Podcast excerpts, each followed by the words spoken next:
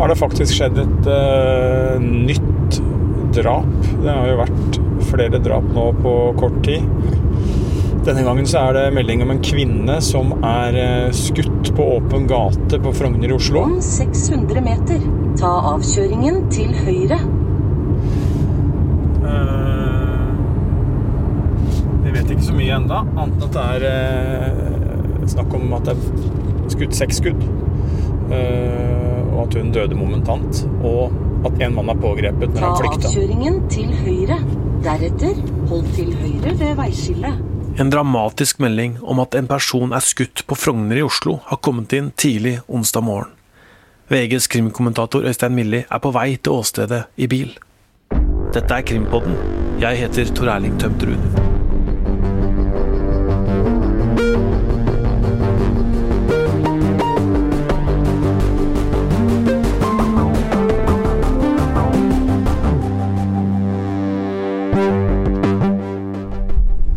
En mann pågrepet eh, etter at han flykta fra åstedet i en bil i eh, stor fart. til høyre ved veiskillet.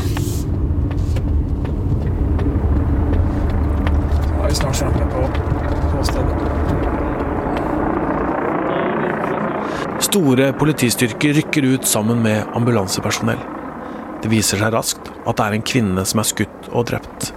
Den antatte gjerningsmannen har stikket fra stedet. Som vanlig har politiet sperra av gata med sperrebånd, slik at ingen skal komme til eller fra åstedet.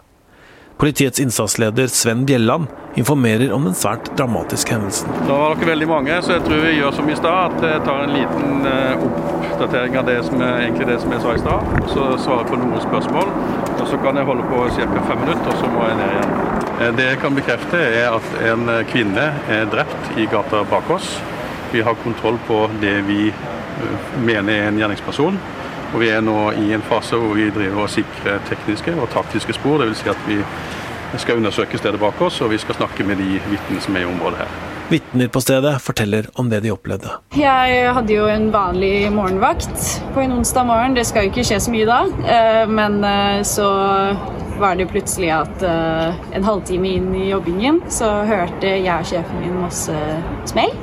Og det var ikke noe sånn var, Jeg tenkte jo ikke med en gang at det var skudd. Fordi jeg er ikke paranoid og tenker at det skal være noe kriminelt som skjer midt på Frogner. Men det var en veldig rar lyd, så vi tenkte jo over den og snakket litt om den. og hva kan det ha vært og sånn. Og så plutselig i ti minutter senere så dukket det opp masse politier og ambulanser og Så da begynte det å synke inn at kanskje det vi hørte har vært skudd. Og eh, riktignok så fikk jeg jo melding fra mamma og sånn senere at det har dødd, at noen har dødd i gata. Rett hvor jeg bor. Og eh, fordi jeg sendte jo melding at sånn, oi, det er masse politier her. Og, så det var jo veldig guffent. Ja, kan du si litt mer om hvordan du opplever det?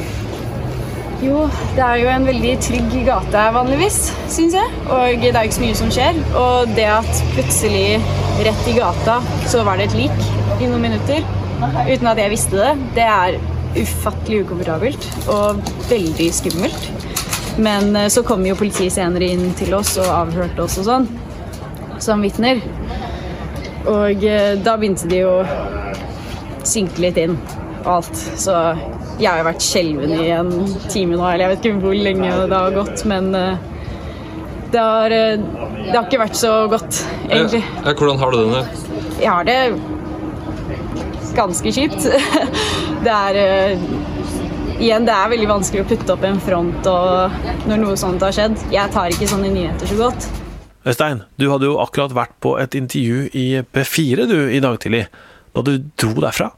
Ja, jeg, eh, jeg fikk bare gjort meg ferdig, men mens jeg satt uh, i den uh, lille praten der, så kom det jo melding om uh, et nytt drap. Eh, Oslo denne gangen, eh, og en kvinne som var eh, skutt og drept på åpen gate. Så eh, da var det jo bare å komme seg av gårde. Hva var det som møtte deg da, når du kom deg dit? Nei, det er jo for meg kjente scener, da. Det er jo mye politi og sperringer og um, ansamlinger av folk. Dette har jo skjedd i et uh, Ja, det vi kan kalle et ganske fornemt eh, boligstrøk eh, i Oslo. Det er jo typiske bygårder. Eh, dyre leiligheter og boenheter her. Um,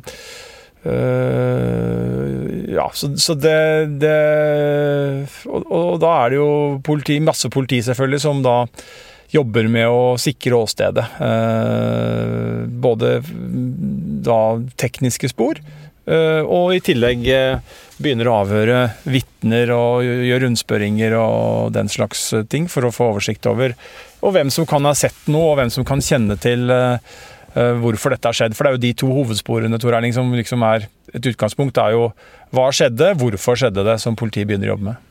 Det er en kvinne altså som blir skutt på gata i Oslo. Hva mener politiet har skjedd der? da? Tidlig å si, men uh, vi vet jo noe. Vi vet jo at uh, en uh, antatt gjerningsmann ble pågrepet ganske kort tid etterpå. Som vi forstår det, så handler jo det om at vitner så en bestemt type bil dra av gårde. Og så har man foretatt en pågripelse, og vi vet også at man har hånd om det man tror kan være drapsvåpen, uten at det er bekrefta.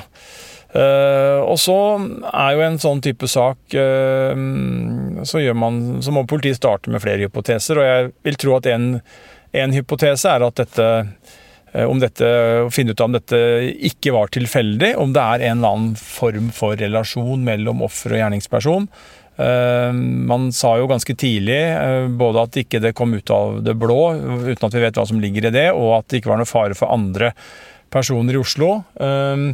Eh, det var riktignok etter pågripelsen at det ble sagt, da, men, eh, men, eh, og man jakter heller ikke på flere gjerningspersoner, sånn som politiet uttrykker seg. og Da kan man jo se for seg at dette er en forbindelse mellom disse to på et eller annet vis, uten at vi har noen kunnskap om hva det er foreløpig. Hva veit vi om hun som er drept og han som er pågrepet?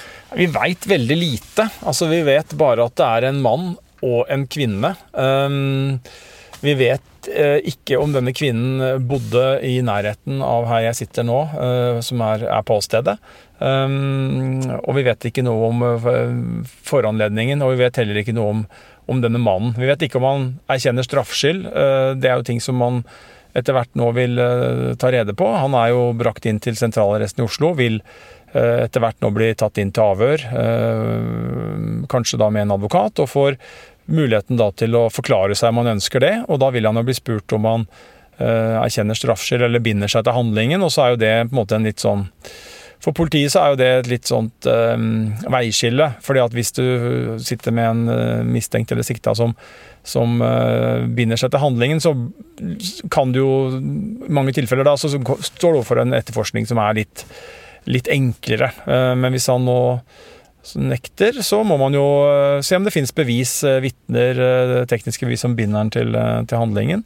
Um, og så er det jo det å si om dette hendelsesforløpet som vi så langt kjenner til, at det, uh, det er jo ekstremt brutalt, og, og det framstår jo uh, altså En hypotese politiet helt sikkert forfølger, er om dette er uh, på en eller annen måte et planleggingselement. altså en, en, mann har da, hvis det er rett mann som er tatt, hatt våpen uh, og, og, skutt uh, ikke bare én gang, men vitner beskriver jo at det er flere skudd mot en kvinne utendørs i, i, Oslo. Og det er ikke noe som tyder på en situasjon her som skulle oppstått helt sånn plutselig. det er ingen Ingen som har hørt noe foranledning, noe bråk, noe som skulle forklare at det har oppstått en akutt situasjon. Eh, så jeg vil jo tro at politiet har eh, også den hypotesen med seg nå, om dette er eh, Undersøker om dette er Om dette kan være en målretta handling. Og så er det jo alle de spørsmåla vi snakker om nå, Tor Erling, er, er, jo ting som etterforskningen da skal avdekke, avklare, og man skal etter hvert konkludere. Gjerningsmannen som er antatt gjerningsmann da han som nå er pågrepet, han stakk fra stedet først. Hva veit du om det? Nei, vi vet at vitner har sagt at de så en uh, bil som dro i høy fart. Uh, og så mener jeg å fange opp i, i de hektiske morgentimene her nå at uh, det bare tok en, noen minutter før politiet stoppa en bil, ikke så langt unna her jeg sitter nå. og at den pågripelsen som jo vi har bilder av eh, på vg.no, den, eh, den, skjedde da udramatisk og kjapt og greit. Og, veldig kort tid etter etter at eh, drapet skjedde. Og eh, at bakgrunnen for det er eh, vitneobservasjoner av denne bilen. Vi hører også at eh, politiet undersøker en bolig i Bærum. Har du noe mer info om det, eller? Nei, eh, ikke her og nå. Eh, Jeg ser også det, og antar jo at det kan da være hos en antatt gjerningsperson. Men, eh, men eh, her på åstedet har det vært så hektisk og skjedd så mye nå eh, siden jeg kom hit eh, for en times tid siden, at, at mer enn nok må, må følge med på det. Men, men det tyder jo på at politiet har tatt etterforskningen enda litt videre, da, og at man da er og ransaker en adresse hos en mulig gjerningsperson på jakt etter bevis eh, der. Drap er jo den eh, alvorligste kriminalitetstypen vi har, eh, men det er ikke så lenge siden vi leste at det har ikke skjedd noen drap i Norge i år. Dette var helt til slutten av mars, men i april så har det skjedd nå fire drap, og dette er det fjerde. Hvorfor er det sånn at det kommer så plutselig nå? Det er, eh, det er nok helt tilfeldig. Eh, og det har man sett før òg, at det kan være perioder hvor det heldigvis ikke skjer så mange drap. Og så kan det komme perioder hvor det, hvor det, hvor det skjer mange, mange sånne tragedier. Men eh, det er, nok, eh, det er nok helt tilfeldig, og hver av disse sakene har sitt eget eh, eh, har sin egen foranledning. eh, Og, og sånn, ja, det er et helt tilfeldighet. Men det har vært mye nå, ja. Det er riktig. Det er jo eh, drapet på Tor Kjærevik, eh, og vi har jo da eh, drap eh, på Vestlandet, og det har vært et drap i Tønsberg, og man har jo også funnet likrester. Nå er vel ikke det noe drap som er begått nylig, hvis det er et drap, men man undersøker jo likrester etter et funn i, Lier.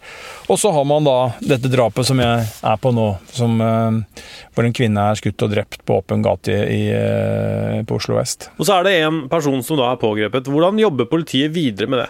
Nei, nå er det jo eh, på en måte, Vi kan jo si det deler opp i tre. da. Det er jo, For det første så er det jo eh, øyenvitner. Folk som har sett ting her og nå, og som ikke nødvendigvis kjenner verken pågrepne eller eh, døde.